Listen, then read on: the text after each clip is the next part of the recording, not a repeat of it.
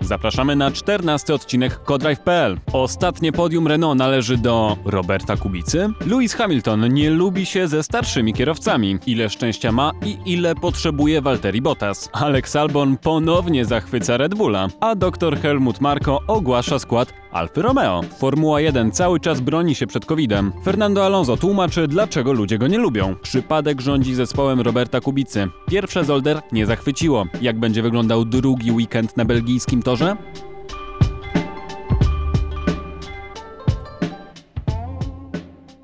Dzień dobry wszystkim. Po raz kolejny Codrive.pl. Witamy się z Wami Aldona Marciniak, Cezary Gutowski oraz Jasiek Olejniczak. Jesteśmy po niemieckim weekendzie na Nürburgringu. Wszyscy cieszymy się niewątpliwie z podium Daniela Ricciardo. Czekamy na tatuaż, ale pojawiły się przy tym wszystkim e, pytania, może nawet kontrowersje, kiedy to ostatnie podium dla Renault się pojawiło. Możecie powiedzieć? To Aldona będzie broniła w wersji nieprawidłowej, y, bo widziałem, że broniła ją u siebie na YouTubie, a ja potem powiem, dlaczego to bzdura. Dziękuję Ci bardzo po takim wstępie.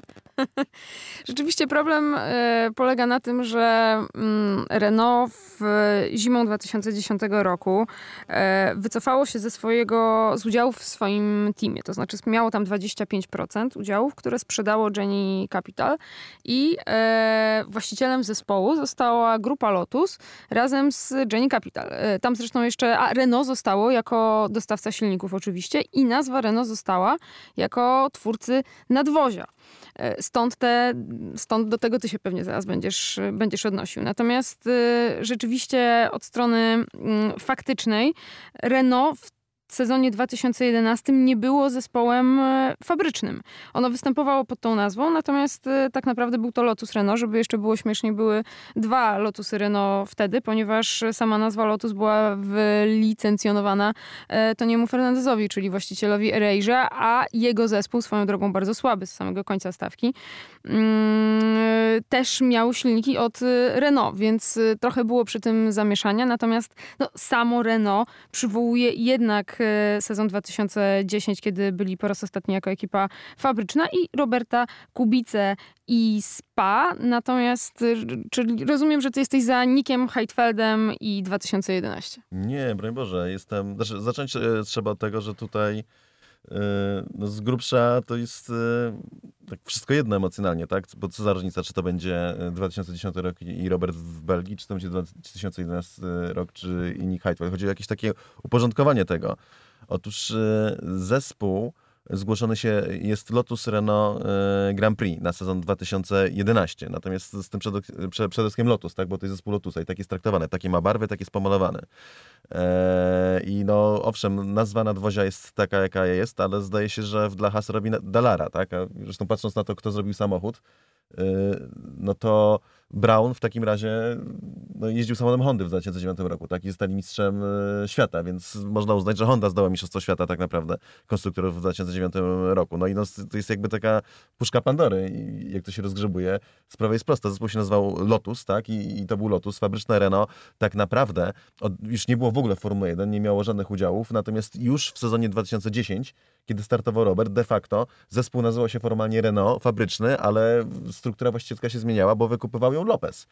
Więc, y, czyli no, Jenny Capitals. Tak, czyli Jenny mhm. Capitals, tak więc y, no, zresztą to, na tym to polegało, to, to był cały taki trik w tej sytuacji w ogóle, z tego co pamiętam, że Robert był bardzo jakby kuszony do tego, żeby podpisać kontrakt z Renault, on chciał iść trochę innym śladem i, i wręcz to zostało tak ułożone po y, interwencji Berniego, z tego co rozumiem, żeby Robert je, jednak poszedł do Renault, dlatego że Renault powiedziało, że zawiną zespół. Jeżeli nie będą mieli albo Alonso, który odchodził, albo Hamiltona, którego nie było, albo Roberta, czyli trzech najlepszych kierowców ich zdaniem na ten czas, to oni po prostu zwijają interes. A potem się okazało, że tak naprawdę oni potrzebowali tego kierowcy topowego, czyli w tym wypadku Roberta, po to, żeby ten zespół sprzedać. I to w, w, pakiecie, tak? Bo, bo, bo po prostu Jenny Capital czy Lopez chcieli mieć zespół, nie tylko sam zespół Wydmuszka, tylko chcieli mieć kogoś na pozycji lidera w tej ekipie. Zresztą świetna inwestycja, ta, tak to w sensie bardzo dobre myślenie. I to tak się rozegrało, tak czy inaczej. E, no w 2010 roku to był team fabryczny Renault, w 2011 nie. I tyle. Czyli prosta odpowiedź, Robert Kubica ostatnim zdobywcą podium dla Renault. Przed Danielem Ricardo, aczkolwiek no, z, z grubsza to dla mnie to nie robi jakiejś większej różnicy, tak?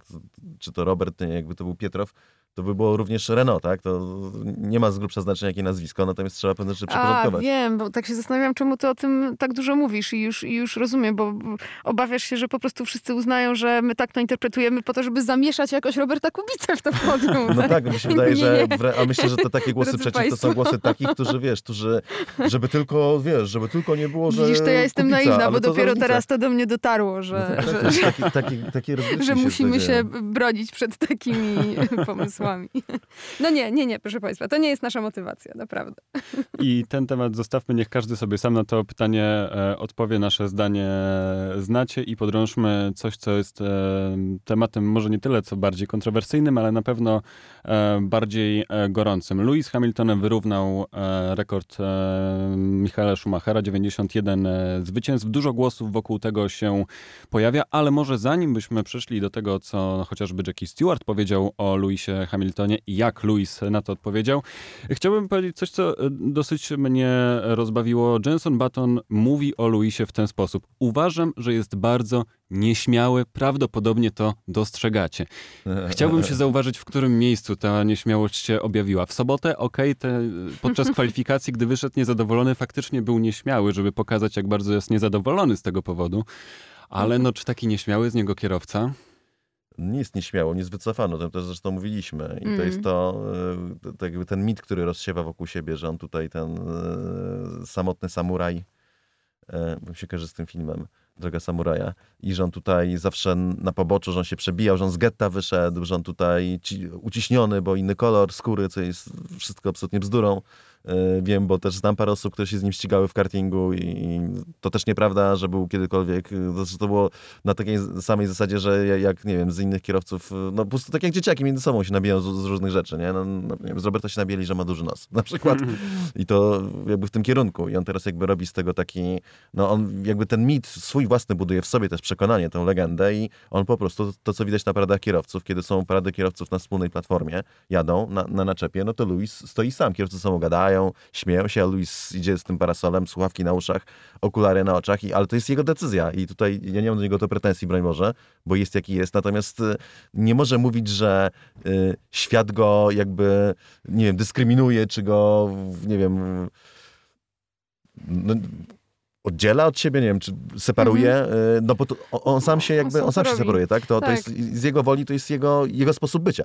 Wiecie co, jeszcze jeden taki drobiazg mi się, mi się przypomniał. Nie żeby tutaj jakoś szczególnie kij w mrowisko wkładać, ale pamiętacie tę klaryfikację, do której została zmuszona FIA w momencie, w którym Luis wyszedł na e, podium w koszulce z hasłem nawołującym do zaaresztowania em, policjantów, e, którzy mieli udział tam w tragicznych wydarzeniach w Stanach Zjednoczonych.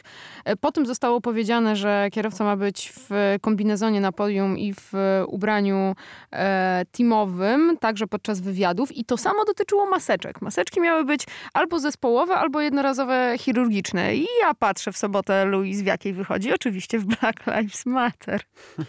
No tak, ale to- Luis jest królem Formuły 1 i e, on się tak czuje i, i on po prostu jakby, to, to co mówimy już od dłuższego czasu, on się tam rozpycha i po prostu no, chce pokazać, że on jest ponad. Chce sprawić, żeby wszyscy kierowcy klękali, bo on tak sobie e, tego życzy i to, z tego samego się wzięła ta sytuacja z tym próbnym startem w Rosji, dlatego że to jest coś, co znowu po raz kolejny potwierdziłem z osobą, która była na miejscu. Był biuletyn, jak zawsze w czwartek, jak zawsze w biuletynie czwartkowym było zaznaczone, gdzie można robić próbne starty i na w Rosji też dokładnie było pokazane strefa, gdzie się je robiło. I Luis to zignorował.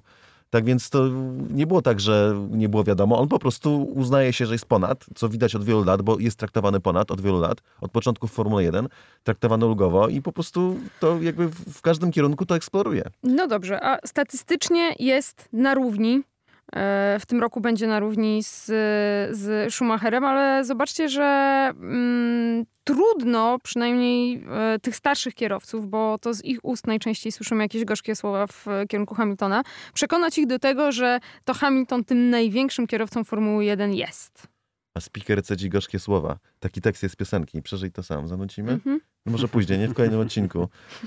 E, no tak, ja czytałem te wy, wy, wypowiedzi Jackiego Stewarta i też Louis oczywiście odpowiada, tak, że tutaj, że on nie wie dlaczego się, znaczy on wie na pewno, to dlatego, że on jest biedny, uciśniony z powodu tego. No już nie bądź taki. No tak, no ewidentnie tak, wie, to jest ewidentne. Dla mnie oczywiste. On musi, znaczy ja go za to, za to nie krytykuję, tylko trzeba to po prostu jakby umieć zauważyć i oddzielać jakby te jego jakby urojenia i mity, które wokół siebie rozsiewa, od rzeczywistości, czyli widzieć, że jest wybitnym kierowcą, ale też widzieć, że no nie jest przez nikogo dyskryminowany. On sam De facto nigdy nie był siebie. To jest jego, jego sposób, wiesz, to jest coś, czym on się karmi, to jest jego no paliwo. tak, mental, ja rozumiem, że sportowy. Ja, tak, dlatego tak. ja go za to nie krytykuję, broń Boże, mm -hmm. i to jest jego święte prawo, natomiast nie sobie może o, o, tym mówić do telewizji, natomiast też, no nie bądźmy bandą osiołków, która idzie za tym i mówi, ojej, biedny Luis, taki tutaj, że wszyscy starsi kierowcy go, wszyscy go, no, cały świat dyskryminują, biedny, z getta wyszedł, no bo nie dawajmy, patrzmy na rzeczywistość, tak, nie dawajmy sobie wmawiać tych, no, bajeczek. Jak tak e, sobie... Jest wyśmienitym, wybitnym -hmm. kierowcą już taki, jaki jest naprawdę. Nie trzeba jeszcze do tego dodawać tych wszystkich jego e, konfabulacji. Wiesz, ja bym tak nie zrobiła, ty byś tak nie zrobił. Większość kierowców Formuły 1 e, tak nie robi, ale jeżeli e, coś działa, to znaczy, że nie jest takie głupie. A w przypadku Luisa to bardzo działa i no. nawet sposób, w jaki on e, odpowiada na tę chociażby krytykę e, Jackiego Stewarta, on mówi... I tak, ja jestem przyzwyczajony do tego, że ludzie się negatywnie na mój temat y, wypowiadają. Ja, ja, ja to rozumiem, ale nie wiem, z czego to wynika. To, to jest nawet, y, nawet to jeszcze podkreślenie, że, że, że on to z pokorą tak. to przyjmuje, no ale dlaczego? Że Mógłby powiedzieć to samo, być... ale ja wiem dlaczego. Akurat w moim przypadku to no. jest w pełni zrozumiałe i w przypadku Luisa także jest y, w pełni zrozumiałe, dlatego że to jest też kwestia tych konfabulacji. Czyli no są ludzie, tak, owszem, jest taka większość taka tendencja, że, że tutaj, że pewnych rzeczy nie wypada zauważać. Ach, prawda? wiem co jeszcze. To jest niepoprawne politycznie. Co on jeszcze mówi? Ja ich szanuję. Tak, tak, tak, tak, tak, tak. Ja, ja, ja ich szanuję, dobry, dlatego ale... mówiłem jakiś czas temu, że co prawda Michał Schumacher wielkim kierowcą był, ale ja to nie mam w kontrakcie zapisów takich, jaki Michał miał, na przykład, tak? Co wcale mm. nie musi mieć w kontrakcie, to inna sprawa. Tak więc to jest kwestia, y, ja na przykład rozumiem tych starszych kierowców i to znowu, to nie chodzi o to, żeby umniejszyć Lewisowi, tylko chodzi o to, żeby spojrzeć na pewne fakty. Znaczy dla mnie Lewis Hamilton jest na bank lepszym kierowcą niż Ayrton Senna, niż Alain Prost, y, niż Fangio, tak? I im starsi kierowcy, tym bardziej. To jest nieuniknione, musi być, bo jest teraz jednym z najlepszych kierowców Formuły 1 y, i siłą rzeczy sport poszedł do przodu, musi być lepszym kierowcą od nich.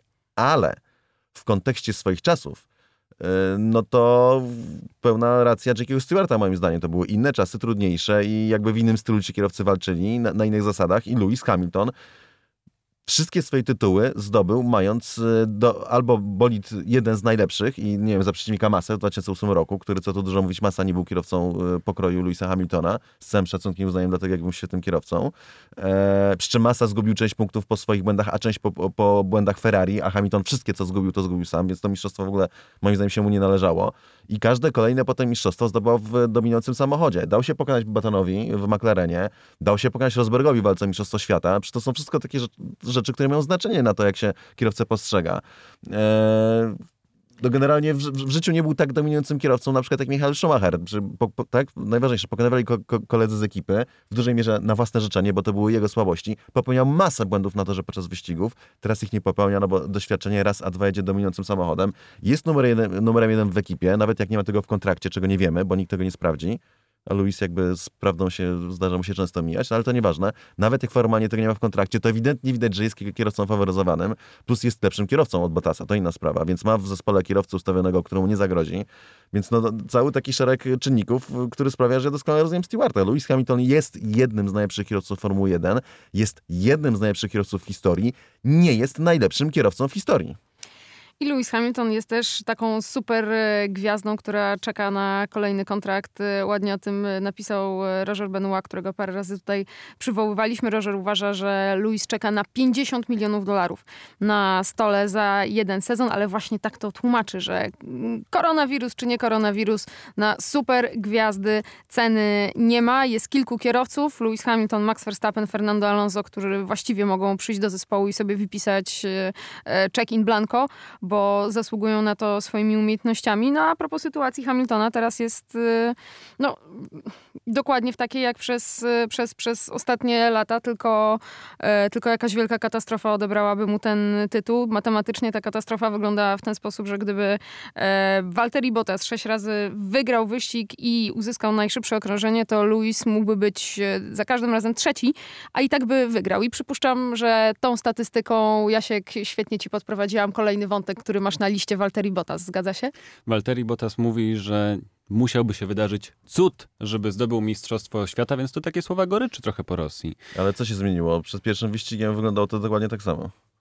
Generalnie tak, ale z perspektywy Fina to jednak była równa walka i on chciał tutaj się mierzyć z Lewisem Hamiltonem i Dobra. nie jest zadowolony. A czy wy się zgadzacie ze mną? E, bo ja uważam, że Valtteri Bottas miał ogromne szczęście, że miał awarię w tym wyścigu.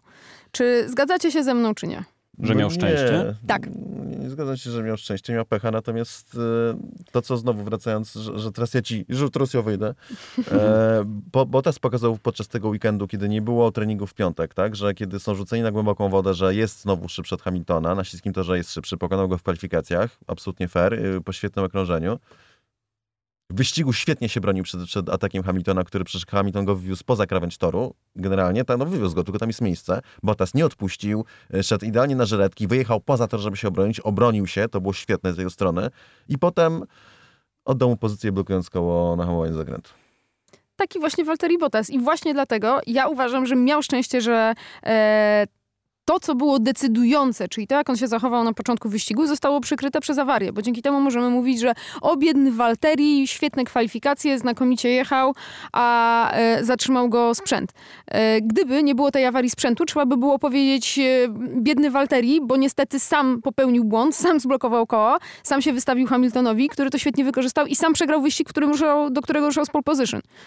I dlatego też jest kierowcą gorszym, ale to znowu to jest tak, jak e, przed chwilą tak starałem się ocenić Hamiltona jakby w kontekście jego całej kariery w Formule 1, w zestawieniu z kierowcami w ich e, dawniejszych czasach, tak samo i Walteriego należy oceniać przez cały, przez, przez Mm. całokształt jego startów e, ostatnich, szczególnie w Mercedesie. No i ewidentnie widać od początku do końca, że e, nie jest kierowcą na poziomie Louisa Hamiltona, że potrafi mu dograć prędkością, potrafi być nawet e, trochę szybszy, e, okazjonalnie, co absolutnie pełne uznanie dla niego. Natomiast ostatecznie w całokształcie, kiedy zmierzymy wszystkie jakieś sytuacje i, i złożymy, to Luis jest tym kierowcą, który jest od niego lepszy i tyle. I ta sytuacja do przecież Grand Prix, ta Eiffel tylko i wyłącznie to potwierdziła. Natomiast jedna rzecz jest ciekawa, jeszcze chciałem wrócić do tego e, żądań Luisa Hamiltona, że teraz ja wierzę w to, co mówi Benoit, e, że e, jest ten e, taki, bo też są te wypowiedzi Toto Wolfa na temat tego, że on nie chce Maxa Verstappena, czy nie do końca, ale do, do, do tego jeszcze przejdziemy. Wcześniej Helmut Marko chwalił się tym, że mogli wziąć Alonso, ale nie wzięli, bo biorą kierowców z, z swoich z rodziny Red Bulla. Nie wiem, jak możesz tym chwalić w tym momencie,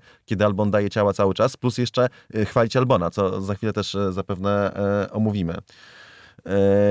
I przez takie podejście właśnie Mercedes i Toto Wolf ustawili się tak naprawdę w sytuacji no, podbramkowej, szach i mat, dlatego że w momencie, kiedy Alonso idzie już do Renault i nie ma go na rynku, kiedy Max ma e, kontrakt z Red Bullem, kiedy Leclerc ma kontrakt z Ferrari, a Leclerc to trochę dalej, ale no, najlepsi kierowcy w tym momencie, to Luis może za- zażądać dowolnej kwoty. No bo przecież muszą mieć Luisa teraz w samochodzie. Nie znajdą takiego kierowcy tego pokroju, który pociągnie e, temat. Znaczy być Russella może się znajdzie. Williamsa. Tak, re, re, tak, tak, George Russell. No, myślę, że tak.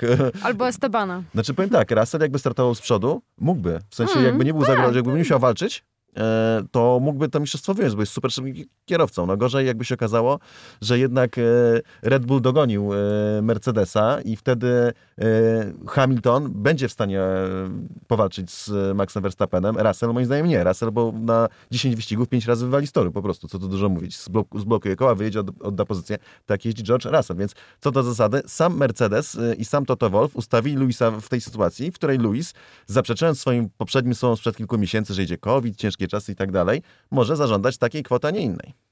Pytanie, czy Luis też się trochę nie, że tak powiem, nie rozbestwił tym, że cały czas jeździ szybszym samochodem i gdyby się okazało, że faktycznie musi zacząć znowu walczyć, do czego nie jest za bardzo w tej chwili przyzwyczajony, to czy by się nie okazało, że gdzieś ten racecraft trochę już mu z krwi e, wyszedł. Ale to jest e, sprawa inna i miejmy nadzieję, że kiedyś się o tym przekonamy, że Mercedes już będzie dościgniony. Ale zostawmy Mercedesa i przejdźmy do Red Bulla i do wątku Alexa Albona, który przede wszystkim jest bardzo mocno krytykowany przez Daniła Kwiata, który mówi, że to było bardzo nieprofesjonalne zachowanie na torze i bardzo źle ocenił sytuację. To a propos tego manewru Alexa, który który pozbawił Daniła e, przedniego skrzydła, ale za to w zespole w Red Bulle w Red Bullu. E, wszyscy są zadowoleni z Alexa. Nie ma tutaj żadnego problemu. Alex musi się dobrze sprawować, wtedy zostanie i Alex dobrze sobie radził na Nürburgringu. To są słowa Helmuta Marko, który jest bardzo zadowolony z tego, jak wyglądał ten weekend i nie ma nic do zarzucenia Alexowi. To jest y, wręcz przezabawne, dlatego że jeżeli on mówi, że Alex musi się dobrze sprawować, żeby zostać, to mi się wydaje, że w świetle tego, co się dzieje dotychczas, no to Wystarczy, że tylko mu się uda wyścig w Abu Zabi. Musi się skoncentrować na ten jeden start w ostatnim wyścigu w nadziei, że go nie odwołają z powodu e, pandemii. Jak przyjdzie jeden dobry wyścig, to Red Bull ogłosi, no o co nam chodzi? Przecież Alex jest świetnym kierowcą. Natomiast y, mi się y, jeszcze bardziej podobały wypowiedzi Christiana Hornera, po tym, bo, bo to już się t- taki robi z tego Monty Python trochę, nie? Taki już absolut, absolutnie abstrakcyjne poczucie humoru. Eee, Horner powiedział tak, myślę, że Y, nawet z tym flat spotem, tak, czyli z, z, i wczesnym pistopem, no bo on na trzecim zakręcie popełnił błąd i spłaszczył opony, musiał zjechać na pistop, ścigałby się z Perzem i z Ricardo. Y, miał całkiem dobry weekend. Był prawie na drugim rzędzie startowym. Zabrakło kilkusetnych sekundy i był do swojego kolegi znacznie bliżej niż w Rosji to mnie najbardziej rozbawiło, w sensie, że był prawie, był prawie na drugim, że za, za, za Polsatech poradził sobie dużo lepiej niż w Rosji, to, czyli zamiast sekundy tracił pół sekundy, tak? Czyli -hmm. znowu tyle samo, co zawsze w Rosji ten i w zasadzie yy, no szklanka do połowy pełna, nie, ta szklanka jest jakby w, to mamy półtorej szklanki z, z tej połówki. Nie wiem, rozlewają na mniejsze szklaneczki, może na kieliszki to piwo. E, no, no, szczerze, no bo przecież już, nie wiem, czy ja, mo, może ja coś tutaj jestem źle nastawiony do, do Albona. To ja jeszcze wrócę do Helmuta Marko, bo też e, ciekawie on to tłumaczył. On mówi, że e, oni mają porównanie Maxa z Danielem Ricardo, więc oni wiedzą i oni są w stanie ocenić, jak inni kierowcy by sobie poradzili na tle Maxa i oni uważają, że nikt nie byłby w stanie się zbliżyć na bardziej niż 30 sekundy. I że w dobrym dniu, jeżeli wszystko by Albonowi wyszło, no to e, Albon byłby w stanie zbliżyć się do e, Maxa na, na, na 3 sekundy, no ale oczywiście... 30, 30. 30 tak, 30, 30 sekundy, no tak, ale... Tak źle nie jest, aczkolwiek y, dobry taki kierunek. nie jest to takie kompletnie oderwane od rzeczywistości. E, no i oczywiście Alex jest młody i tutaj cała lista, dlaczego, mm, dlaczego to jest wszystko, wszystko w porządku, a oni tak naprawdę, i to jest też ciekawe, e, co mówi Marko, e, on wymienia dwa nazwiska wolnych kierowców na rynku, Hulkenberg i Perez. Nie mówi o nikim ze swojej stajni Red Bulla, no, którą tak ponoć zmiana. ceni. No, ale to jest wielka zmiana i przynajmniej być może to pójdzie w tym kierunku i, i to będzie no, jakieś takie lepsze zakończenie tej sytuacji, tego impasu, yy, który jeszcze raz podkreśla, że Red Bull nie ma dobrego programu młodych kierowców, tak, że to są jakieś incydentalne wyjątki i do tego większość z nich wciągnięta w ostatniej chwili po prostu, czyli nie wychowywana przez ten program, tylko wciągnięta do, do programu tuż przed wejściem do Formuły 1.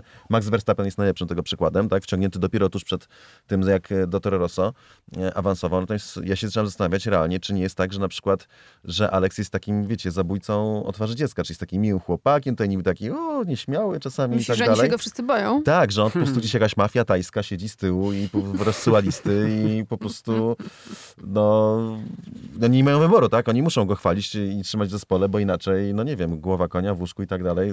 Naprawdę, bo ja mówię poważnie, bo już przestaje to totalnie rozumieć, o co chodzi. Ale to słuchajcie, jeśli mowa o, o tego typu y, emocjach, to, to ja tutaj przywołam, bo bardzo mi się znowu spodobał Nico Rosberg. Bardzo cieszę się, ilekroć jest zaproszony przez telewizję jako komentator, bo, bo y, fajnie z nimi wszystkimi pogrywa. Y, z, z, wszystkimi, z którymi, z którymi rozmawia i tym razem zrobił tak z Direstą, z Polem Direstą, który gdzieś tak na okrętkę mm, mówił o tym, o tym temacie, dając znać, że no, no, Gasly w Red Bullu to nie, a Nico Rosberg, a, a dlaczego? A co ty wiesz? Co ty wiesz, czego nam nie mówisz?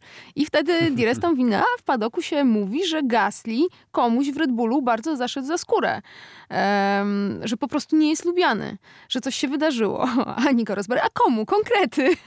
No i tu niestety już e, Paul Diresta nie dał się e, namówić na, na wyjawienie tego. Natomiast e, ja jakkolwiek to by... Masz swój typ, zaczyna się na H, a kończy na Elmut Arko. Skąd wiedziałaś? Podglądasz moje myśli.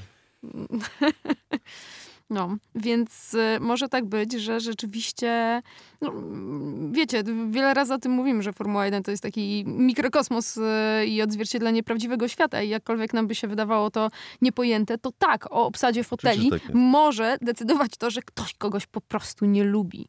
Koniec, kropka. Czas, czas- czasami nawet bez jakiegoś wyraźnego powodu. Mm. Y, W sensie, że no, nikt mu specjalnie, nie wiem, za skórę nie zalazł, a mimo tego, no po prostu go nie lubię i tyle. Tak się zdarza. Był nawet taki dowcip o tym, o Hiobie, że ten... Że- czemu, na koniec, czemu ten, jeśli rozchyla się, się nie- niebiosa, wychodzi stwórca, ale czy rozchyla się stwórca i mówi, jakoś cię nie lubię. Życie, nie? Tak formalnie tak samo. Słuchajcie, e, kończąc e, temat e, Albona, w dwóch słowach, jak długo to jeszcze po prostu będzie trwać? Bo obserwujemy rzeczy, które są coraz bardziej komiczne, ale są coraz bardziej przerażające. Patrzymy na królową motorsportu, która e, uprawia jakąś parodię. No Red Bull jest jednak e, drugim najlepszym zespołem w stawce w tej chwili, a ma na drugiego kierowcę osobę, która zdaniem Red Bulla jest doskonałym drugim kierowcą, ale no jednak ciężko tak oceniać Alexa. No i cieszę się, że przywołałeś klasyfikację Mistrzostw Świata Konstruktorów, bo moim zdaniem to będzie trwać tak długo, jak długo Red Bullowi nie będzie zależeć na walce w Mistrzostwach Świata Konstruktorów. Póki oni nie mają problemu z tym, że mają jednego kierowcę, a nie dwóch, no to, to mogą sobie na to pozwolić. No bo dla nich, nie oszukujmy się, dla nich priorytetem jest Max Verstappen. Tak jak wcześniej się skupili wokół Vettela i oczywiście fajnie by było mieć Mistrzostwo Świata Konstruktorów, ale na, najgorszą wadą e, Alexa to będzie, jeżeli Verstappen będzie w stanie już walczyć o Mistrzostwo Świata, będzie miał taki bolid, a Alexa nie będzie, po, żeby mu w tym pomóc. Tak? Teraz to jeszcze nie jest takie dotkliwe, a tym bardziej, że Red Bull ma to drugie miejsce w zasadzie niezagrożone jeszcze w tym momencie w Mistrzostwach Świata Konstruktorów, więc na tym etapie y, jeszcze sobie mo- mogą na to pozwolić. Natomiast ja cały czas zachodzę w głowę, o co chodzi z tego względu, że no, kierowców, którzy, bo mówi się, że Gasly w zeszłym roku tak samo. Nie, moim zdaniem Gasly, aż tak źle z Gasly nie było. Y, Plus nie miał tyle czasu, żeby w ogóle, y, żeby się poprawić, tak, to, to co ma Mhm. Albon. Ale przede wszystkim sama retoryka ekipy. No po prostu nikt tak konsekwentnie, tak długo w tym zespole nie bronił kierowcy, który, co tu dużo mówić, nic nie jedzie. No bo Albon tak, owszem, stanął raz na podium, Luis dwa razy go wywalił z, z, z, drogi na podium, ale co do zasady, kwalifikacji nie jedzie w ogóle. Nie wiem, kiedy słyszeliście kiedyś o udanych kwalifikacjach Alexa Albona? Od Christiana Hornera i Helmuta A, Marka tak. na pewno. Tak, ale a tak od, od reszty świata, to, tak, tak, tak, tych ludzi, którzy patrzą jakby nie od, od strony Red Bulla, tylko po prostu no, widzą to, jak to wygląda. A to nie pamiętam. No mi się też sobie nie przypominam, ale może, może ktoś sobie jeszcze e, przypomni. To mo- może jedne się znajdą. Natomiast póki co jest to po prostu jakieś takie coraz większe zagadka, zagwozdka. Myślę, że kiedyś to wyjaśnienie jakoś się e, pojawi i wyjdzie.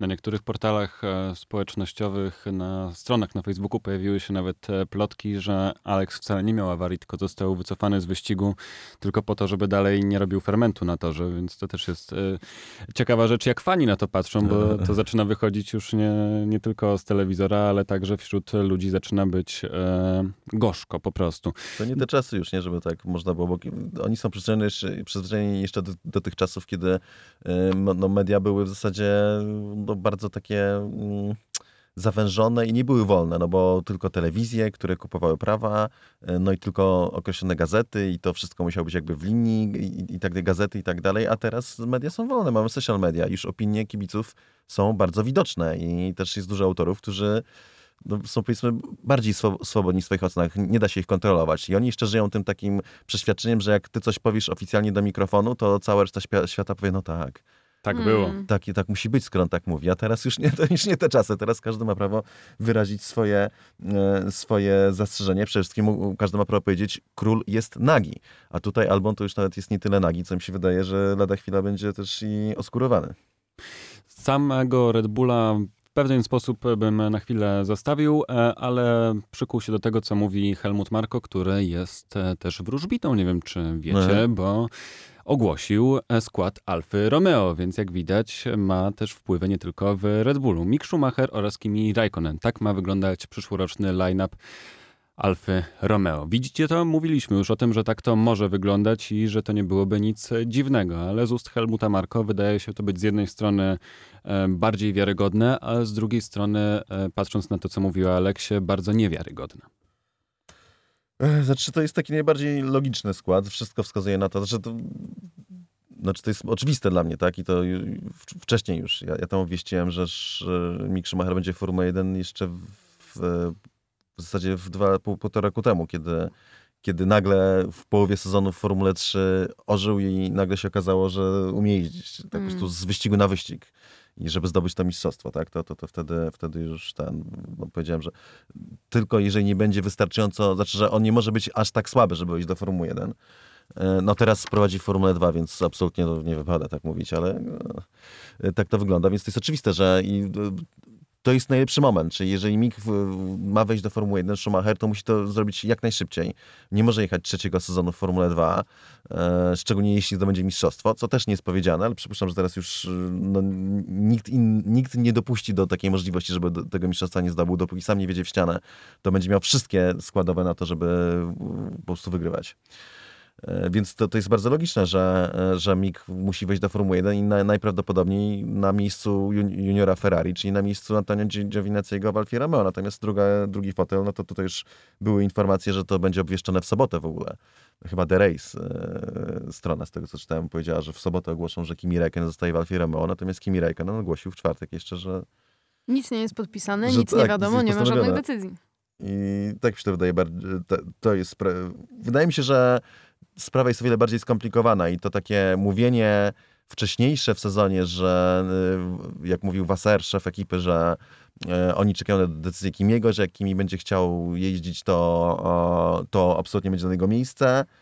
To było... Nie przysłużyło im się. Nie, mi się wydaje, że to było bardziej takie myślenie życzeniowe e, Wasera, że chciał Mm. znowu tak jakoś politycznie zagrać, żeby e, prawdziwych decydentów e, no, postawić trochę pod Przycisnąć. ścianą, przycisnąć Mhm. dokładnie, bo tak mnóstwo, mnóstwo takich rzeczy się dzieje, takie zagranie polityczne, natomiast oni się chyba nie dali postawić pod ścianą i wydaje mi się, że ta rozgrywka o fotel w Alfie Romeo jest bardziej o wiele skomplikowana i że to nie Wasser będzie decydował o tym, kto będzie na tym fotelu, tylko o tym będą decydowali ludzie, którzy są właścicielami tego zespołu. Helmut nawet zdradza kulisy ostatniego Grand Prix. Mówi, że to Giovinazzi miał e, niejasny wynik e, koronawirusowy i że być może, e, gdyby się okazało, że Antonio jest zarażony, to kto wie, ale może Mick wtedy by pojawił się na torze w wyścigu. Co prawda to byłoby chyba ciężkie widowisko oglądać pierwszy raz w życiu juniora w bolidzie F1 i to podczas wyścigu, który no jednak jest trudny, bo Nürburgring nie należy do chyba najłatwiejszych torów, to mogłoby być coś e, ciekawego. Ale nic takiego się nie wydarzyło. Będziemy śledzić dalej tą sytuację i na pewno o tym jeszcze rozmawiać e, będziemy. Wracając do Maxa e, Verstappena i rozważań co dzieje się w zespole Mercedesa, to rozmawialiśmy o tym, czy być może Max pojawiłby się w Mercedesie, że taki duet Luis e, z Maxem byłby ciekawy. To to bardzo szybko odsłuchał nasz podcast i postanowił Mhm. e, odpowiedzieć e, i mówi następujące rzeczy. Max jest związany z Red Bullem i jest lojalny wobec zespołu. Jestem bardzo zadowolony z moich obydwu kierowców i jeżeli będziemy chcieli w przyszłości robić jakiekolwiek zmiany, to będzie to zmiana na George'a Russella albo Estebana Ocona. Czyli co? Program Mercedesa jest jasny i prosty i George Russell zostanie mistrzem świata w przyszłości. Hmm. Oj, oj. Ciężki temat zarzuciłeś. Nie ciężki, będzie mistrza? ciężki. No to jest znowu ten temat Helmuta Marka chwalącego się, że nie wzięli Alonso. Mm, tak. Przy To prawda. Czyli, Przy czyli masz do wyboru Estebana Ocona, George'a Russella i Maxa Verstappena, zakładając, że nie masz Louisa Hamiltona i bierzesz, i nie bierzesz Maxa Verstappena. To jest coś, co, co nam mówi Toto Wolf. Um, No, No. szczerze, to takie, znaczy, po pierwsze w to nie wierzę. Uważam, że jeżeli im doszło do takiej sytuacji i Max byłby na rynku, to oni by wzięli Maxa. Jakby nie wzięli, to był idiotyzm. W sensie, że no, absolutnie niewytłumaczalne, no bo można wierzyć w Okona, który jest kierowcą takim bardzo dobrym, solidnym, ale e, w Racing Point został pokonany dwukrotnie przez Sergio Pereza i pokazał też swoją słabość taką charakteru i słabość emocjonalną. Może nie taką, jaką ma Romain Grosjean, ale dość podobną. E, I który no, przegrywa z Danielem Ricardo w Renault.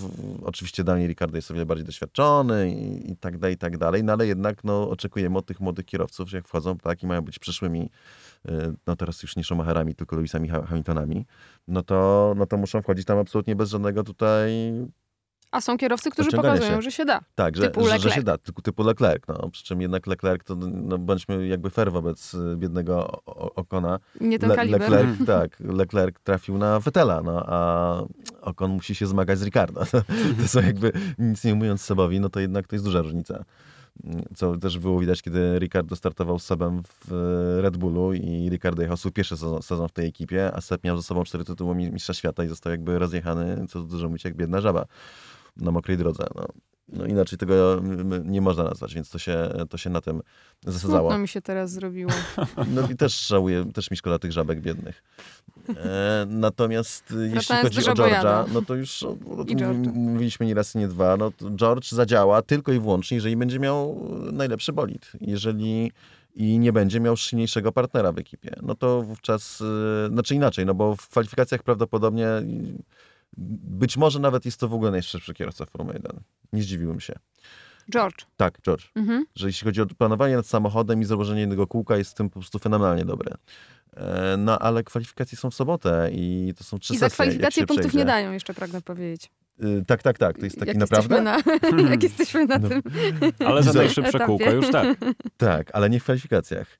Więc e, no, w, w, jeżeli będzie w tej sytuacji, no to tak, ale ilekroć dojdziemy do sytuacji, w której George będzie musiał się ścigać, tak, że znajdzie się gdzieś e, niżej, że będzie startował, nie wiem, z pozycji numer 6, dajmy na to, czy 5, czy ktoś go będzie atakował, no to patrząc po tym, co pokazuje dotychczas Williamsie, no to to jest y, przepis na katastrofę. Znaczy to jest... Y, tylko, że już na szczycie, nie tak, że będzie tam z tyłu i, i wszyscy będą przemykali oko, bo to nasz Bryt, y, a my, tak, tak, a głównie media brytyjskie kształtują postrzeganie Formuły 1, przy to Sky brytyjski tak naprawdę pokazuje teraz Formułę 1 na cały świat, e, jeszcze bardziej niż przed pandemią mają największy wpływ, no to, to już nie będzie takie, że o tutaj, tu pominiemy, tutaj coś ten, tu nie pokażemy, tu nie skomentujemy, tylko to będzie już na świeczniku, więc yy, znaczy szczerze mówiąc bardzo, bardzo chciałbym to zobaczyć, kiedy yy, Lewis Hamilton jest zastępowany George'em Russellem albo Okonem w momencie, kiedy Max był na rynku. To będzie hmm. chyba zrobione tylko i wyłącznie po to, żeby żeby nie zaszkodzić ekipie Aston Martin, e,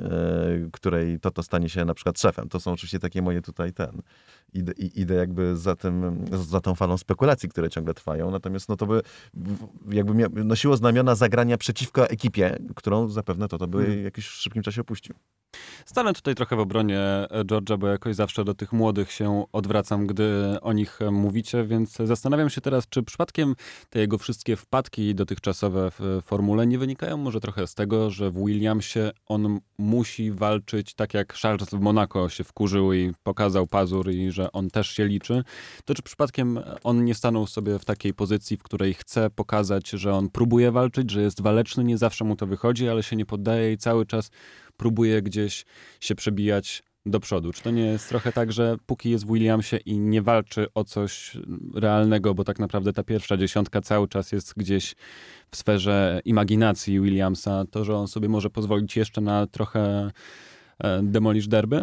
To ja dokończę to zdanie, które, które zacząłeś e, trochę inaczej, bo w pewien sposób się z tobą zgadzam. To znaczy, póki George Russell jest w Williamsie i nie walczy o nic e, poważnego na torze, to jedyne o co walczy to jego reputacja. E, bo on jest tym juniorem Mercedesa, który jest w najgorszym zespole. On jest w najgorszym zespole spośród tego całego młodego pokolenia Leclerc, Norris, Albon, to on, on jest w najgorszej sytuacji. To on ma za sobą, ile już, 32 dwa starty w Formule 1 e, bez zdobycia punktu. E, I rzeczywiście mm, i on o tym mówił. I on o tym mówił przed tym, przed tym sezonem, gdy było jasne też, że nie on pójdzie do, do, do Mercedesa na kolejny, że będzie, że będzie dalej w Williamsie w tej sytuacji, w jakiej jest na końcu stawki, mniej lub bardziej. To on o tym mówił, że, że w tej sytuacji, w jakiej jest, to to, co on ma do, do, do ocalenia, to jest, to jest jego reputacja. Więc może to też jest trochę tak, jeżeli e, mam się w czymś z tobą zgodzić, że, że George czuje te, tę presję i, i, i taki overdriving czasami. Ja się nie zgodzę z tym.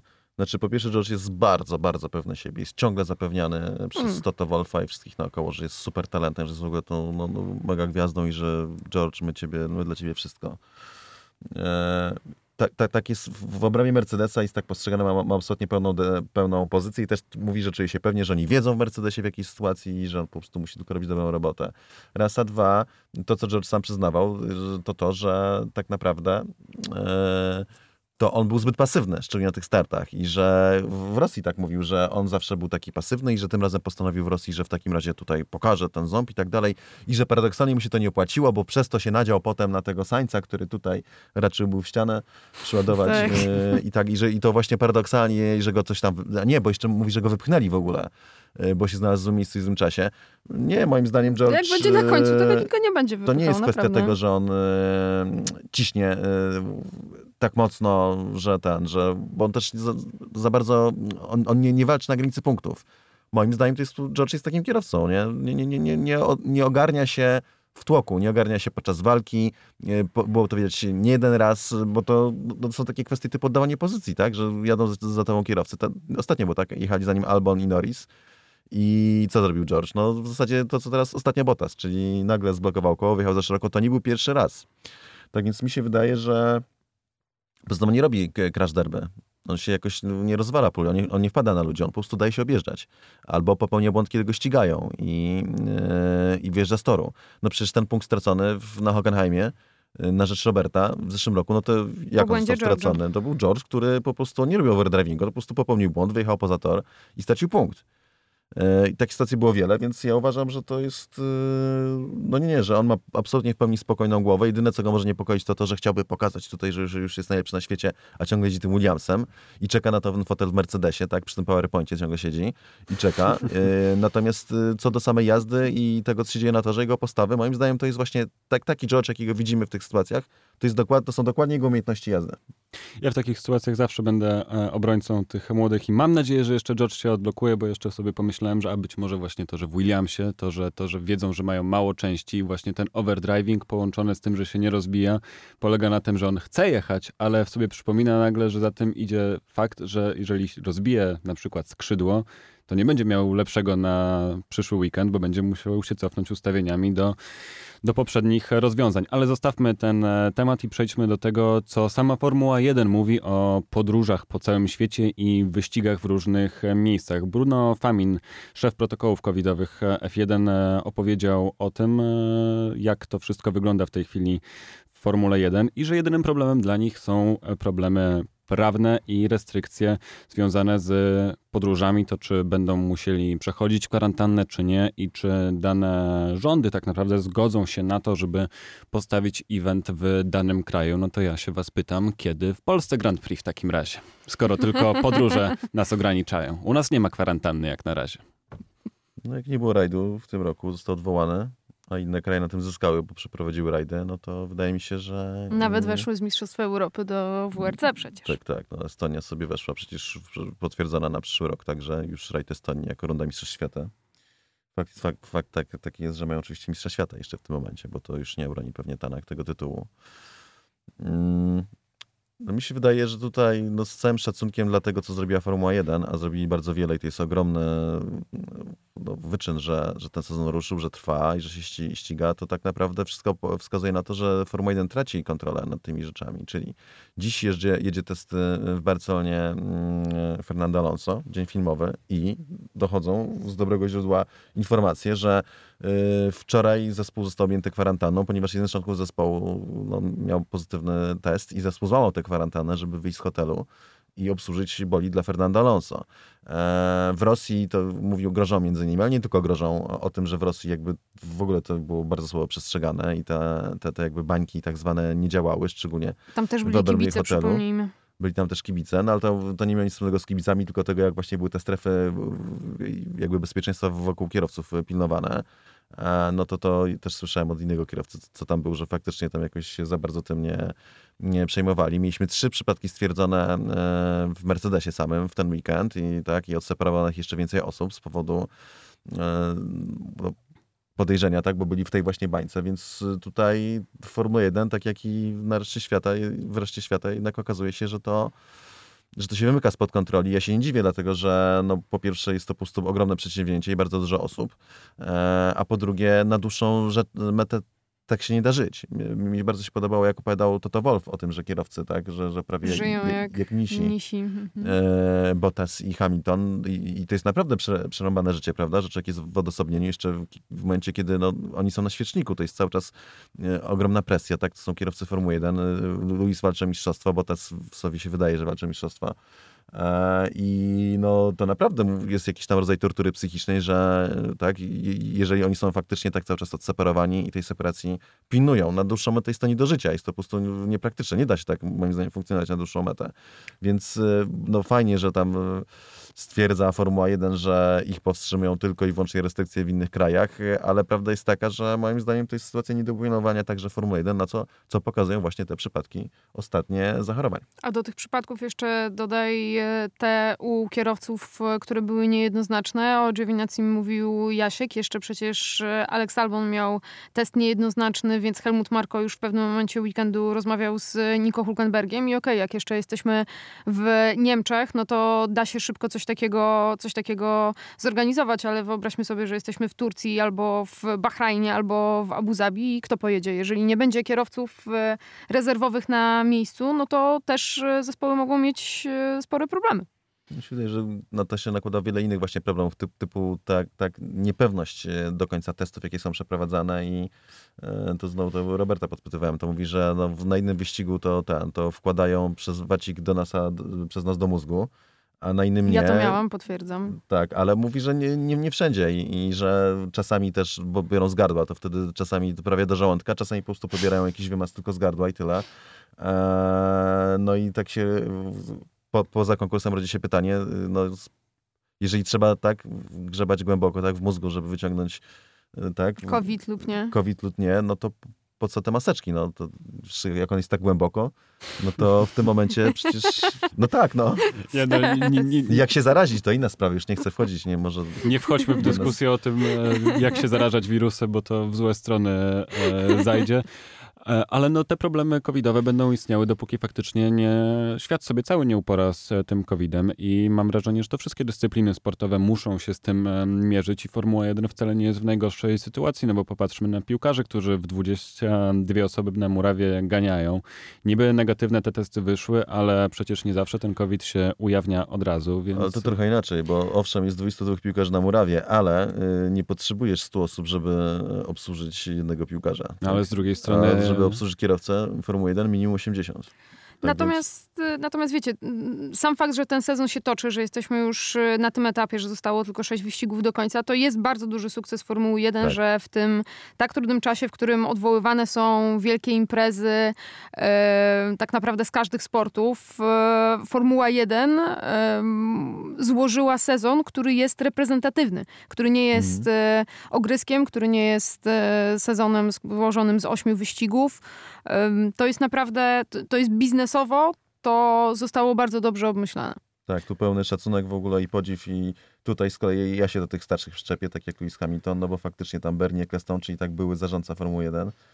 To on w e, Australii chciał już wszystko odwołać. Tak, tak. E, do domu. I tak samo Max Mosley, czyli tak były prezydent i co tu dużo mówić przy ten, przy Jaciel. Przypupas. A, o, przyjaciel, chciałem powiedzieć. Berniego Kostana mówi, że w ogóle powinien to odwołać i to nie, nie ma sensu. Tymczasem e, no, Formuła 1 się zorganizowała. Mamy wyścigi, mam, to jest bardzo ważne moim zdaniem i też był jakiś taki przejaw nie wiem, zdrowia w ogóle jakiegoś psychicznego nam to, tak, jakiś przejaw normalności dla nas, także dla ludzi przed telewizorami, tak więc tutaj ogromne zasługi dla Formuły 1, natomiast trzeba wiedzieć, że na dłuższą metę to nie jest takie proste, to nie jest tak, że ten system jest w 100% szczelny.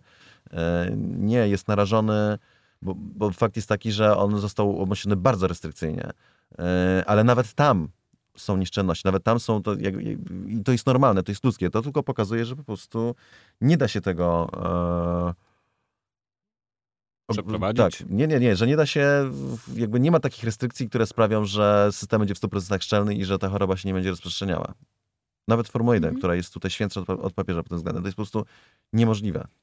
Ale chwała za to, że FIA i Formuła 1 dbają o to, żeby te wyścigi się odbywały, żeby trzymać się tych wszystkich restrykcji i żebyśmy przede wszystkim mogli oglądać cały czas wyścigi, a żeby kierowcy mogli się ścigać, chociaż mam wrażenie, że pod koniec sezonu będą przeklinać już ten sezon i będą mieli nadzieję, że się e, skończy, zwłaszcza po tym, jak opowiedziałeś, e, w jakich bańkach muszą e, żyć. Ale nawiążmy jeszcze do Fernando Alonso, który, jak powiedziałeś, jest w tej chwili w Barcelonie na dniu e, filmowym. Sam Alonso wypowiedział się e, trochę na temat e, samego siebie i myślę, że to jest w związku z jego powrotem bardzo ciekawe i zastanawiam się, czy jego słowa nie nie mają trochę e, jakiegoś odbicia na to, co u niego w głowie siedzi. Ale e, posłuchajcie, Fernando Alonso mówi tak, każdy może mieć e, swoją własną opinię. Zawsze określały mnie osoby, które nie mają dobrego zdania na mój temat. Wiele osób było zaskoczonych, gdy osobiście mnie poznawały. Dalej mówi, że nie przejmuje się tym, o, tymi opiniami i tak jak mówiłem, każdy ma prawo do własnego zdania i że najczęściej w social mediach jest krytykowany. Czy to jest przypadkiem jakiś obaw przed tym, że jednak ten sezon nie będzie taki wspaniały, że tutaj Hiszpan gdzieś zaczyna się zastanawiać, że okej, okay, ja tutaj niczym torreador wychodzę i mówię, że a, ja po mistrzostwo jadę, że 22 rok to będzie pełna, no może nie dominacja, ale że będzie walka i że wraca do Formuły 1 tylko po to, żeby trzeci raz wygrać Mistrzostwo e, Świata. A tutaj teraz taki odwrót i rozmowa o tych osobistych rzeczach. Znaczy wiecie, nie jest tajemnicą, że gdy Fernando Alonso e, decydował się na powrót do Formuły 1, to myślał przede wszystkim o powrocie w nowych regułach, bo to uważał za, za szansę największą, całkiem słusznie. Teraz to się odrobinę zmienia. Śmiać mi się chce, jak mówi o tym e, Cyril Abiteboul, który podkreśla, że Fernando teraz, gdy widzi nas i nasze, i nasze wyniki, to, to zachowuje się jak taki głodny rekin, który poczuł krew i że wcześniej wszystko było skoncentrowany właśnie na 2022, na, na nowych regulacjach, ale teraz też jest zainteresowany łaskawie 2021. E, Fernando, Fernando Alonso no, rzeczywiście ma jakieś powody do optymizmu, żeby Mm, żeby tutaj wspomnieć ostatnich e, pięć wyścigów, to faktycznie e, Renault jest tym zespołem, który oprócz Mercedesa zdobył najwięcej punktów, zdobyli więcej od, od Red Bulla na przykład, więc ta forma Renault teraz jest bardzo optymistycznie nastraja. Co do samego mm, Alonso, no to um, jednak nie jest to mimo wszystko sytuacja, w której on rzeczywiście przyjdzie tutaj, wkroczy cały na biało i będzie w przyszłym sezonie walczył o Mistrzostwo Świata, więc oczywiście on musi zrobić jakieś takie e, działania uprzedzające i już zacząć e, ludziom tłumaczyć, dlaczego, dlaczego to tak nie będzie. A propos tego, jakiej Alonso jest prywatnie, czy ja opowiadałam wam tutaj, jak go wspominał na Seralatijach? Bo to tak dokładnie, dokładnie mi pasuje. Bo e, Nasser e, opowiadał zwycięzca, zwycięzca Dakaru oczywiście, że no oczywiście oglądał Formułę 1, więc, e, więc był w takiej sytuacji, o jakiej tutaj Alonso mówi, że ludzie, którzy go nie znają, no to myślą sobie nie wiadomo co. No i Nasser mówi, no i też myślałem, że on taki zarozumiały. No tak wyglądał. No wie, wiecie, jak wyglądał w Formule 1. To są słowa, słowa, słowa Nassera. Po czym e, pewnego dnia Alonso zadzwonił do niego. E, Hi, Nasser, it's Fernando. Who? Fernando! Who? Fernando Alonso, could you help me? I tak dalej. I, i pyta, czy, e, czy mógłbym mu pomóc w testach na e, pustyni, no bo wiemy oczywiście, że e, Alonso startował w Dakarze i w rajdach terenowych generalnie. No i dwa dni później Nasser o 6 rano odbiera Fernando Alonso z lotniska, no i Nasser mówi, no i no, zaproponowałem mu to, to co, do hotelu pójdziesz, spotkamy się za, za parę godzin. Alonso, nie, nie, nie, jedziemy już teraz. Mhm. Ja muszę już teraz. Ja, ja muszę się dużo nauczyć, ja chcę zacząć pracować już teraz. I to zrobiło duże wrażenie rzeczywiście na e, jeśli chodzi o podejście i osobowość e, Fernando Alonso. No i to jest też coś, na co teraz bardzo liczy Renault w kolejnym sezonie. Więc tak, e, że teraz ja się odniosę. E, Możesz powiedzieć tak albo nie. Nie, znaczy wypowiedź Alonso zupełnie nie dotyczy kwestii sportowych, on się w niczym nie asekuruje, nie potrzebuje. Alonso to jest osoba, która wie, jakim jest kierowcą, ma absolutną pewność siebie, przed nikim się nie musi tłumaczyć z tego, jak jeździ, ma to w, jakby wryte w Ale nie chodzi o to, że on od się... dziecka. Nie, bo ja się to sugerował, że on się tu szykuje, tak, z tego co wiem na przyszły sezon, żeby tłumaczyć ludziom, dlaczego nie wygrał i tak dalej. Absolutnie to nie ma nic wspólnego. Tu chodzi o opinię na temat jego, tego, jakim jest człowiekiem, właśnie na temat tego, że robi ferment w zespołach, że z, e, pali mosty za sobą. E, no i taki, że jest postrzegany to właśnie to, co, co mówiłaś oczami na, na sera, tak? Że on po prostu mówi, że kurde, wcale nie jestem takim bucem, bucem jak, jak mnie malują, tak? Czy jak widać w telewizorze. Tak naprawdę to ze mnie fajny chłop, tylko że trzeba jakby ten, się ze mną zakumplować. Albo w domyśle trzeba, muszę coś od ciebie potrzebować, żeby ze mną potestował na pustyni, bo jadę Dakar, to wtedy jestem miły. Tutaj oczywiście ja przesadzam. E, jak, no powiem tak, no ja uważam, że Alonso jest wybitnym kierowcą i moim zdaniem, nawet jak nie jeździ Formuły 1, jest lepszy od Hamiltona, jest na poziomie Maxa Verstappena i zawsze był lepszy od Hamiltona. Yy, pomimo tego porównania w McLarenie, w którym mieli tyle samo punktów, yy, Alonso był mistrzem świata dwukrotnym, Hamilton debiutował, ale tam po prostu zakulisowo, no co tu dużo mówić, Hamilton miał totalną kosę z Renem Denisem gdzieś od połowy sezonu po prostu i był usadzany. Mimo tego zdobył tyle samo punktów co Hamilton, co moim zdaniem było ogromnym wyczynem w tej, w tej sytuacji. Natomiast jako człowiek, no to no nie, nie wiem, ja, ja, moje pierwsze wspomnienie z Fernando Alonso to jest e, jak e, była prezentacja Renault i to było tak, że Alonso zadebiutował w Formule 1 w wyścigu w Minardi, znaczy w Minardi i przejdził sezon. Który był rok 2001, coś takiego. E, w, jeżeli tak, no to w, w kolejnym sezonie przejeździł jeden rok, jakby został wciągnięty do Renault, ale musiał przejeździć sezon, aż mu się zwolni miejsce jako trzeci kierowca czyli dużo te, wtedy, wtedy się dużo testował, czyli dużo testów i czekać na fotel, aż mu się zwolni e, w samochodzie, aż będzie mógł e, regularnie startować.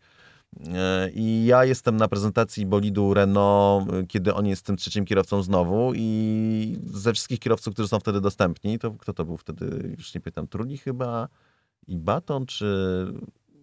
No, nie przypomnę w tym momencie. Yy, no właśnie nie jestem w stanie dokładnie przypomnieć roku. To jest rok po debiucie Alonso. Alonso chyba debiutował jakoś około 2001 roku, coś w tym stylu, pierwszego, drugiego. Yy, I ja chcę mieć wywiad z Alonso, bo moim -hmm. zdaniem Alonso to jest yy, gwiazda przyszłości i, i, idę do niego i Fernando jest bardzo pryskliwy, odpowiada jeszcze, jeszcze mniej niż Kimi, kiedy go proszę, żeby nagrał jakąś taką wyjściówkę tak, że hi, this is Fernando, watch Formula One in Canal Plus, bo ja tam pojechałem jako komentator dziennikarz Canal Plus wtedy. Eee, robi to totalnie jakoś tak, że to jest nieemisyjne, ma, to, ma na to totalnie wywalone. Eee, a on na tym etapie, no mimo tego, że ja uważam, że to jest kierowca przyszłości, to on jeszcze tego nie pokazał, tak? W sensie dokładnie, tak? On jeszcze nie jest dwukrotnym mistrzem świata więc zachowuje się, no i to jest właśnie taki Fernando, którego zapamiętałem, którego widać w telewizorze także i on po prostu taki jest i to nie znaczy, znaczy ja domyślam się, że jak się tam usiądzie z nim przy barze i tak i z odpowiednią osobą się tam przyjdzie, to może, można świetnie czas spędzić nie? i się świetnie pobawić. Ale co do zasady, wierzę, że Fernando jest takim, jakim go widać, tak samo jak i Luis jest takim, jakim go widać e, w momencie, kiedy zarówno kiedy udaje, tak, i ro, ro, odgrywa swój acting, co Luis robi często, e, jak i w momencie, kiedy traci kontrolę nad swoją rolą i z niego wychodzi to, jaki jest naprawdę. I ja tutaj żadnego z nich nie oceniam, żadnego z nich nie krytykuję, bo każdy ma prawo być taki, jaki jest, tak, w końcu nie mordują dzieci, tak, i, i, i nie robią jakichś innych strasznych rzeczy. Natomiast no też są, są tacy, jakich widać, tak? I tak, mówię, nikt nie ma prawa do nich o to mieć pretensji, broń Boże, bo szczerze, no, ja Luisa też generalnie na, na, lubię, tak? I mówi dużo świetnych rzeczy, które ja bardzo, e, bardzo mi się podobają, ale też widzę te momenty jego słabości. Natomiast to nie znaczy, że mamy tego nie zauważać, tak? Czy udawać, że oni są tylko najwspanialsi, najkochańsi, że po prostu modlić się do nich, jak nie wiem, czy do Luisa, czy do Fernando, że tak naprawdę Fernando, mimo tego, co widać yy, i co uważa 90% ludzi, że tak naprawdę to jest swój chłop, tak naprawdę przyłóż w ogóle, no, no koniec z nim kraść i tak dalej. No tak nie jest, no oni są jacy są, mają do, do tego prawo, natomiast też, no nie szukujmy się, oni są właśnie tacy. Jestem ciekawy, jaką twarz pokaże w przyszłym sezonie, gdy wróci i e, czy jakoś mentalnie związał się z Lando Norrisem, gdy zobaczył, gdy ten usiadł na krześle niczym on i też w McLarenie. Mm.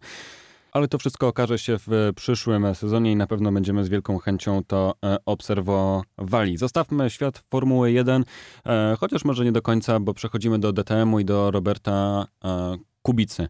Ostatni weekend był kolejnym ciężkim weekendem i zastanawiam się, czy te nadzieje, które mieliśmy po drugim e, Nürburgringu, czy trochę nam nie odeszły jednak w las i czy ten Nürburgring nie był jakimś przypadkowym strzałem ze strony zespołu i czy jednak nie musimy się przyzwyczajać do tego, że Robert w DTM-ie w tym sezonie będzie miał bardzo duży problem z tym, żeby znaleźć się w pierwszej dziesiątce.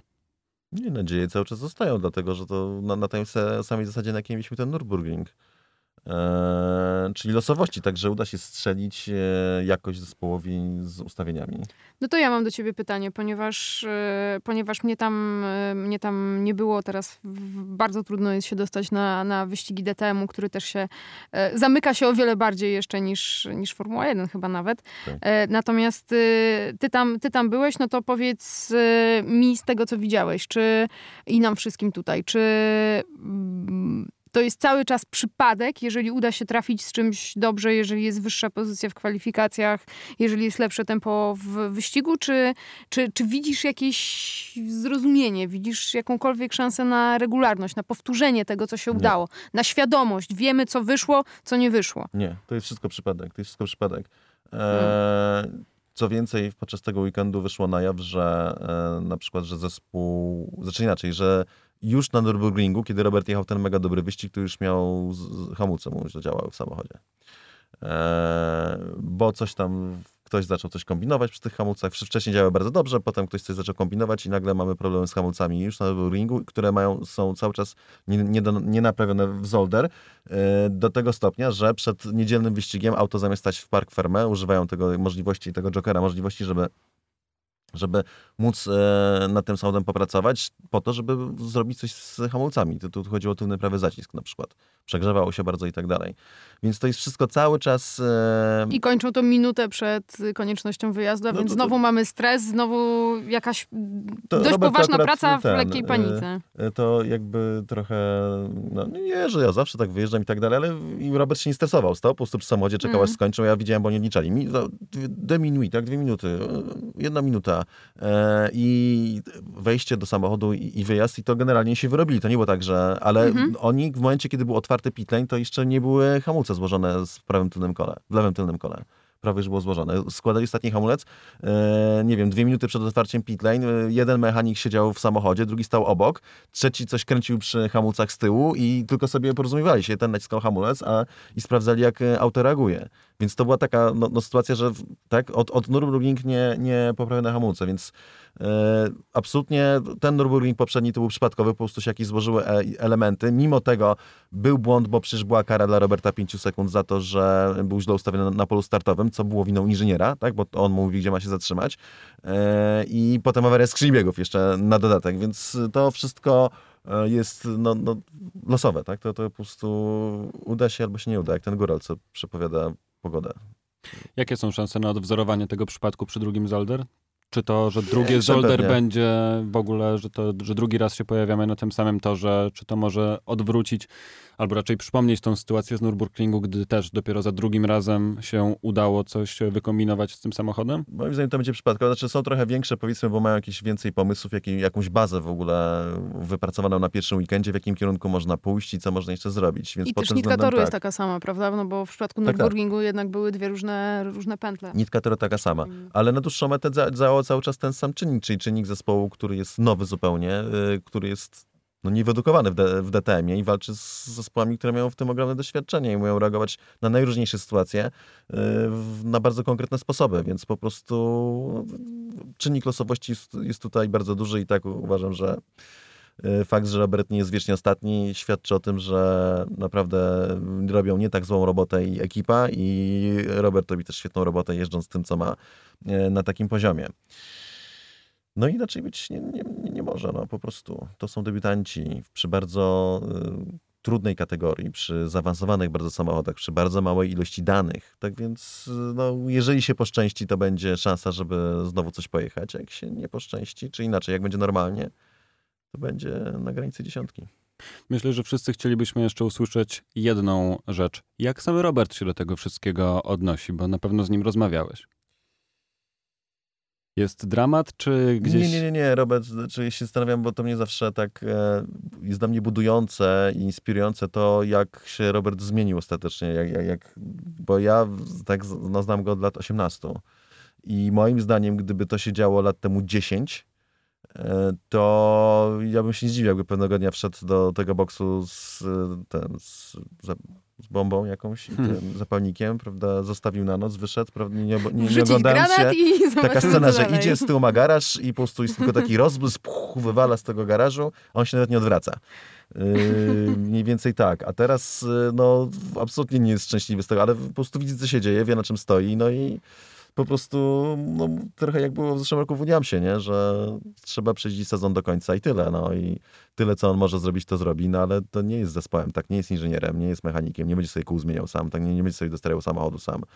Eee, no, to- jest zdecydowanie za dużo, żeby wy- wymagać od, od jednego kierowcy podczas tego weekendu. Po prostu zrobi swoje, no, a zespół pewnie jakoś tak dotoczy. No, jed, jeden był taki fajny czynnik, co mi się podobało, jak e, jeden pit-stop wyszedł faktycznie taki, że był tam poniżej 8 sekund już. Czyli w zasadzie no mniej więcej sekunda od y, takiej przeciętnej, DT, od dobrego pit-stopu DTM-u i faktycznie się postarali, faktycznie to dobrze wyglądało i wyszli i sobie tam przybijali piony, gratulowali sobie. Natomiast potem jak był kolejny pit-stop i był prawie 9 sekund, to to też może już nie tak entuzjastycznie, ale też podszedł mechanik jeden, żeby tutaj przybić pionę. Zdaje się, że z menedżerem zespołu i tu już to było takie no, Idzie ku lepszemu. Tak, tak, tak, że będziemy mieli wolniejsze pistopy o półtorej sekundy, a nie o dwie i pół, mniej więcej w tym kierunku. No to mówię, ja nie chcę krytykować ekipy, bo ja też rozumiem ich. To, są, to jest nowa, dla nich nowa kategoria, bardzo ciężka. Eee, no i nie ogarniają, po prostu nie ogarniają. To, to się wydarzyło wszystko na etapie, eee, no tak ktoś za to odpowiada. Ktoś y, obiecał, że ten zespół złoży eee, i no, ewidentnie nie utrafił z personelem. Jak będzie wyglądał ten weekend, możecie oczywiście obserwować u Cezarego na Instagramach, Facebookach. Tam wszystko będzie na pewno I na jasno YouTubach jeszcze. i na YouTubach pokazane e, na pewno w całości, więc e, to jest najbardziej bieżące źródło e, informacji. Za dzisiaj dziękujemy Aldona Marciniak, Cezary Gutowski i Jasie Kolejniczak. Do usłyszenia.